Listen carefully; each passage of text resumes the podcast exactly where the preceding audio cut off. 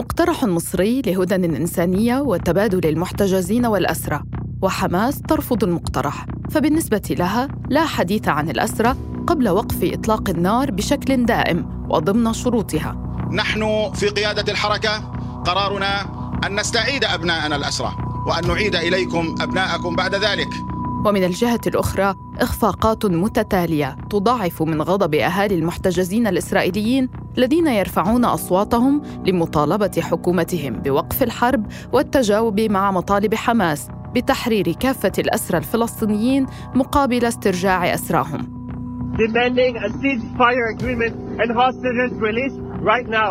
والاحتلال في معضلة حقيقية. هل يخضع لشروط حماس مقابل الإفراج عن محتجزيه؟ أم يستمر بعدوانه على قطاع غزة متجاهلا مطلب داعميه وأهالي أسراه؟ وما هي السيناريوهات المتوقعة لأي صفقة محتملة؟ بعد أمس من أثير الجزيرة أنا روعة أجي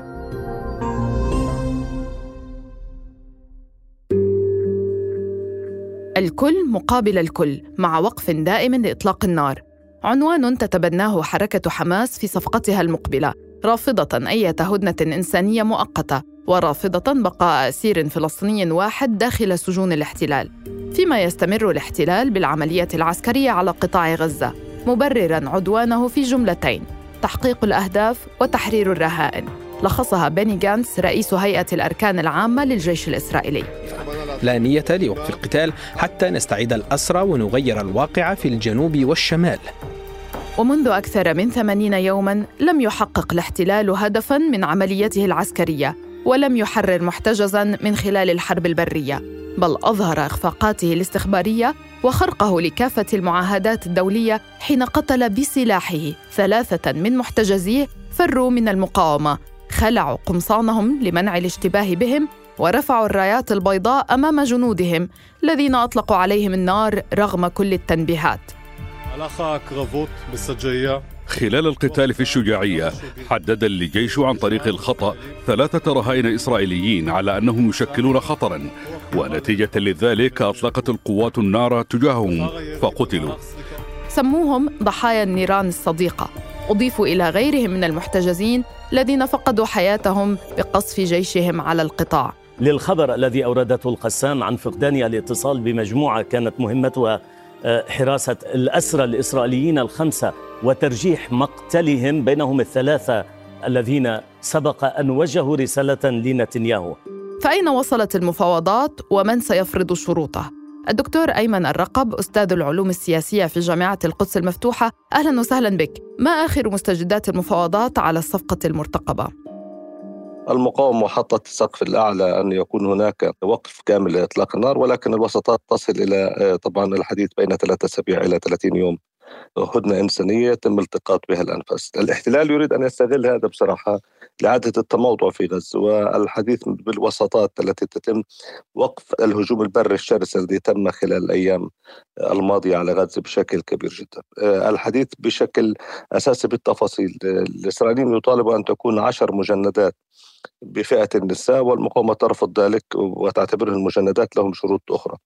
آه، الحديث بالتدقيق يتم الحديث عن 30 أسير إسرائيلي طبعا من المدنيين وما تبقى من فئة النساء والأطفال مقابل 300 أسير فلسطيني على رأسهم طبعا قيادات حزبية كما أطلق في الإعلام في حين وهذا صحيح الأخ مروان البرغوث الأخ نائل البرغوثي والرفيق أحمد سعدات إضافة إلى طبعا فئة كان الاحتلال يعتبرها لا يمكن إطلاق سراح من يصفهم الاحتلال بأيديهم ملطخة بالدماء كما يصف الاحتلال طبعا وهم من اتهموا بقتل الإسرائيليين وهذه الفترة تكون في هذه الدفعة. التركيز على من أمضوا فترة طويلة في السجن التركيز على حالات مرضية وهذا أعتقد مهم جدا في هذه المرحلة كيف نقرأ سقف المطالب من الجانبين؟ يعني بالنسبة للاحتلال هو أكبر ما يريده هو في النهايه اطلاق سراح كل الاسرى طبعا وان تشمل الصفقة الشاملة. تم الاتفاق لا تكون هذه الصفقة شاملة لكل ما ما يريده الاحتلال. لذلك تم الحديث عن الآن عن صفقة تشمل المدنيين. الاحتلال كان مصر على أن تكون النساء المجندات من ضمن فئة النساء وأيضا هذا الأمر لا الوسطاء قبل ولا حتى المقاومة. هناك دور بذلته قطر بشكل كبير جدا في هذا الملف ودور آخر بذلته مصر. على صعيد يعني من تحدثنا عن رئيس الموساد ورئيس السي اي الذي التقى مع رئيس الحكومة القطرية أكثر من مرة في عواصم مختلفة وأيضا رئيس الشنبيت رونين بار التقى أيضا هنا هنا بالجانب المصري أكثر من مره والترتيبات تتم آه، باتجاه بهذا الاتجاه حماس تؤكد وتشدد على مطالبها وشروطها بضرورة وقف إطلاق النار وتبييض السجون، ما هي الخطوط الحمراء للحركة وما هي التنازلات التي يمكن أن تقدمها؟ يعني هذه اللي تحدثت عنه أنا أعتقد هذا سيؤجل للمراحل القادمة لأن ما سيبقى في جعبة المقاومة هو قرابة 90 جندي ومجند وهذه هذا رقم مهم جدا للمفاوضات القادمة. لكن بالتأكيد نحن في النهاية مع أن يلتقط شعبنا الفلسطيني أنفاسه وكما أشرت الهدنة هي مصلحة لكل الأطراف.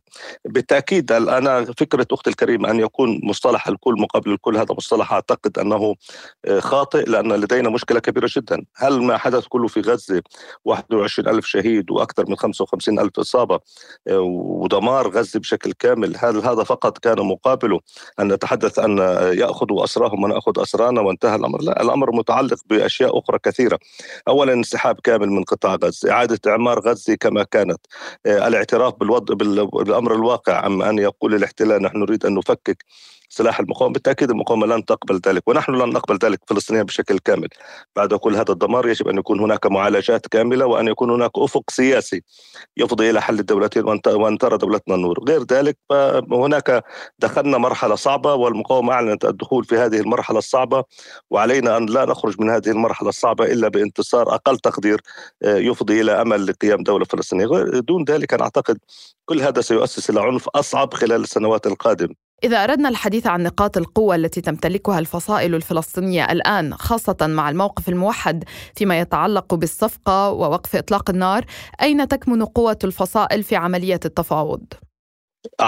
في في أمرين بصراحة، الأمر الأول ما لدى المقاومة من جنود ومجندات إسرائيلية؟ وهذا الملف اللي أنا أعتقد ملف مهم جدا والمقاومة تدرك كيف تتفاوض به بشكل كبير جدا. الأمر الثاني صلابة المقاومة على الأرض. حتى هذه اللحظة رغم كل ما تعرضنا تعرضت له غزة من دمار وكل ما تعرضت له المقاومة لا زالت المقاومة صلبة تؤلم الاحتلال والحرب البرية هي بالعادة تحسم المعارك ويقصف كما يشاء ولكن دون أن يكون هناك حرب برية كما يحاول فهذا لن يجدي له نفعا. والحرب البرية حتى الآن على الاحتلال قاسية رغم الأثمان التي ندفعها فلسطينيا ولولا طائراته وبحريته ودباباته لما تمكن من يفعل شيء في غزة؟ ولا تمكن من أن يصل إلى حتى إلى ظفر مقاتل. ولكن نتيجة كل استخدام هذه الأسلحة التي يمتلكها ويمتلك 350 طائره طائره حربية مختلفة يمتلك 200 2200 دبابة مركبات ثلاثة وأربعة وخمسة جديدة التي لم تدخل للعمل في غزة ويمتلك سلاح بحري متطور. رغم كل ذلك المقاومة لا زالت تؤلم الاحتلال. لذلك لدينا نحن ورقتين ورقه جنود وضباطه وأيضا ورقة المقاومة وإصرارها على إقبال هذا الأمر. حماس تطالب تحديدا بالإفراج عن ثلاثة قادة فلسطينيين من الأسرى وهم عضو اللجنة المركزية لحركة فتح مروان البرغوثي وأمين عام الجبهة الشعبية لتحرير فلسطين أحمد سعدات والقيادي في حركة حماس عبد الله البرغوثي والذين رفض الاحتلال الإفراج عنهم في صفقات سابقة. ما أهميتهم؟ موجود طبعا عندما تحدث عن الاخ مروان فهو أكبر شخصية فتحوي موجودة في المعتقل كصفة سياسية. وأمين الجبهة الشعبية الاخ الرفيق أحمد سعدات أيضا كأكبر آه، طبعا شخصية في الجبهة الشعبية. وعبد الله البرغوثي وأيضا نائل البرغوثي من ضمن الكشف آه، طبعا لاعتبارات آه، كبيرة لدى تنظيم حركة حماس. وأعتقد الأسماء باقي الأسماء أيضا لا تقل وزنا عن هؤلاء ولكن هذه الأسماء الأكثر كانت بروزا من ضمن القائمة 300 وسلم على فكرة قائمة 500 على الاحتلال أن يختار 300 منهم ولكن هذه الثلاث أسماء ستكون في الدفعة الأولى إن شاء الله. هل سنشهد موافقة الاحتلال على الإفراج عن قادة فلسطينيين بارزين ومن أصحاب الأحكام العالية؟ الكشف ال 500 اسم الذي سلم الاحتلال الاحتلال وافق على 300 التي طلب منهم وكما اشرنا ال 500 جميعهم بنفس الاتجاه وبنفس الظروف آه، كمعتقلين تهموا بقتل الاسرائيليين أحكام مؤبدات امضوا فترة طويلة من السجن كما أشرنا ومرضى وجميعهم آه، طبعا الاحتلال وافق على 300 من ضمنهم الثلاث أسماء التي ذكرناهم كشخصيات بارزة ولكن فقط هو الوصول إلى عملية التنفيذ. بالتأكيد هناك طبعا آه، قد نجد آه، طبعا آه، ممثلين الفصائل لن يتحدثوا بالتفاصيل كما نتحدث نحن كمحللين لكن نقول لك بصراحة الأمور تسير باتجاه ايجابي إن شاء الله. في هذه الأثناء شعارات تلوح في الشارع الإسرائيلي تطالب بالإفراج الفوري عن المحتجزين الإسرائيليين حتى لو كان الثمن الكل مقابل الكل. منذ إذن انتقل عدد من عائلات الأسرى وداعمون لهم للاعتصام بشكل دائم عند مدخل مقر وزارة الدفاع في تل أبيب. والهدف زيادة الضغط الشعبي على مجلس الحرب وتحديدا على رئيس الحكومة بنيامين نتنياهو ومطالبته بالعمل على إبرام صفقة تبادل للإفراج عن الأسرى. حتى لو كان ذلك مقابل وقف تام لإطلاق النار وصفقة تبادل عنوانها الكل مقابل الكل. يقف الاحتلال الإسرائيلي بين نارين نار مواطنيه ومطالبتهم بتحرير المحتجزين ونار اليمين المتطرف الرافض لأي صفقة قد تحرر أسرى فلسطينيين ويعتبرها خطيرة. أما النار الثالثة فتتعلق بمجريات الحرب وخشية إسرائيل من فشلها في عملياتها العسكرية في حال وافقت على شروط حماس. هناك ضغوطات كثيرة على حكومة الاحتلال من أهالي الأسر ومن اليمين المتطرف يضاف إليها خلافات موجودة في مجلس الحرب الإسرائيلي بشأن تبادل الأسرى وحديث عن مطالبة بحل مجلس الحرب. المختص بالشأن الإسرائيلي إيهاب جبارين يحدثنا عن موقف الحكومة الإسرائيلية من صفقة تبادل الأسرى. الآن آه، في هذا المضمار تحديدا بنيامين نتنياهو يحاول أن يقوم بعرض عسكري كبير. تدار من خلاله المفاوضات وتخضع حماس وتأتي صاغرة إلى إسرائيل بالمتطلبات والشروط الإسرائيلية، هذا ما كان يطمح إليه بنيامين نتنياهو طبعا، وبدون أن نشك بنيامين نتنياهو يعني بعيدا كل البعد عن هذه الجزئية بل أكثر من ذلك يعني وفق شهادات التي كانت اليوم خرجت في الصحف العبرية يمكن أن نقرأ بأن نائب رئيس هيئة أركان سابق قالها بصريح العبارة حماس هي من تدير كل هذا الصراع هي من تدير هذه أو الشروط الحرب وفق قوانينها وفق قواعدها ونحن نجر إليها. آه، هذه في الجزئية الأولى. هنالك كذلك جزئية أخرى يجب أن نأخذها بعين الاعتبار. الجزئية الثانية أن بنيامين نتنياهو آه، من قبل هذه من قبل السابع من أكتوبر كان لديه الكثير من الامتعاض من كل جزئية الابتزازات في المفاوضات في تحرير الأسرى وما إلى ذلك. يعني هو كان من أهم الناقدين لصفقة أحمد جبريل عام 83 على سبيل المثال. إيه، كان لديه الكثير من الامتعاض ويمكن القول أن بمعايير معينة بنيامين نتنياهو كان يفضل أن يفعل كود حنيبال على أن يكون هنالك إيه، مفاوضات في هذه الجزئية بالفعل. وربما هذا يعني يفسر بعض السلوكيات التي كانت لإسرائيل ولجيشها منذ السابع من أكتوبر في قتل آه، الأسرى وحتى في تصرفاتها في غضون السابع من أكتوبر. وكذلك هنالك نقطة أخيرة ربما يجب أن نتطرق إليها هي أن في داخل اليمين تحديدا آه، هنالك الكثير من الانتقاص لبنيامين نتنياهو والانتقاد له. تحديدا بعد أن تم صفقة جلعاد شليت وهي الصفقة التي ذهب إليها مرغبا كجزء من دعايته الانتخابية آنذاك حيث أن آه، آه، في تلك الصفقة الصفقة عفوا تم تحرير آه، يحيى السنوار وبالتالي يعني الآن الانتقاص يكون بأنه لولا تلك الصفقة لما كان السابع من أكتوبر. الآن الثمن المطلوب من بنيامين نتنياهو أو الموجود على الطاولة هو شخصيات كذلك يوجد لديها آه، ثقلها آه، داخل ال يعني كل القضية الفلسطينية مثل مروان البرغوثي وعبد الله البرغوثي وإطلاق سراحها بدون أدنى شك يضعف موقف بنيامين نتنياهو أكثر فأكثر.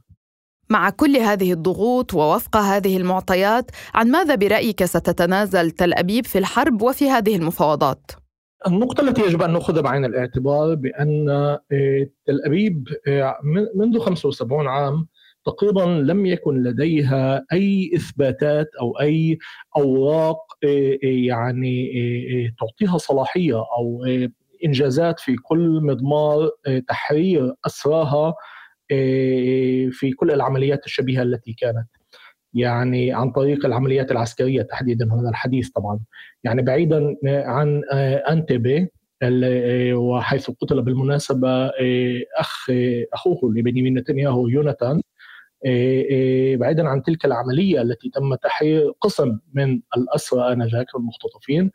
الرهائن بعيدا عن تلك العملية ميونخ باءت بالفشل خط 300 باء بالفشل.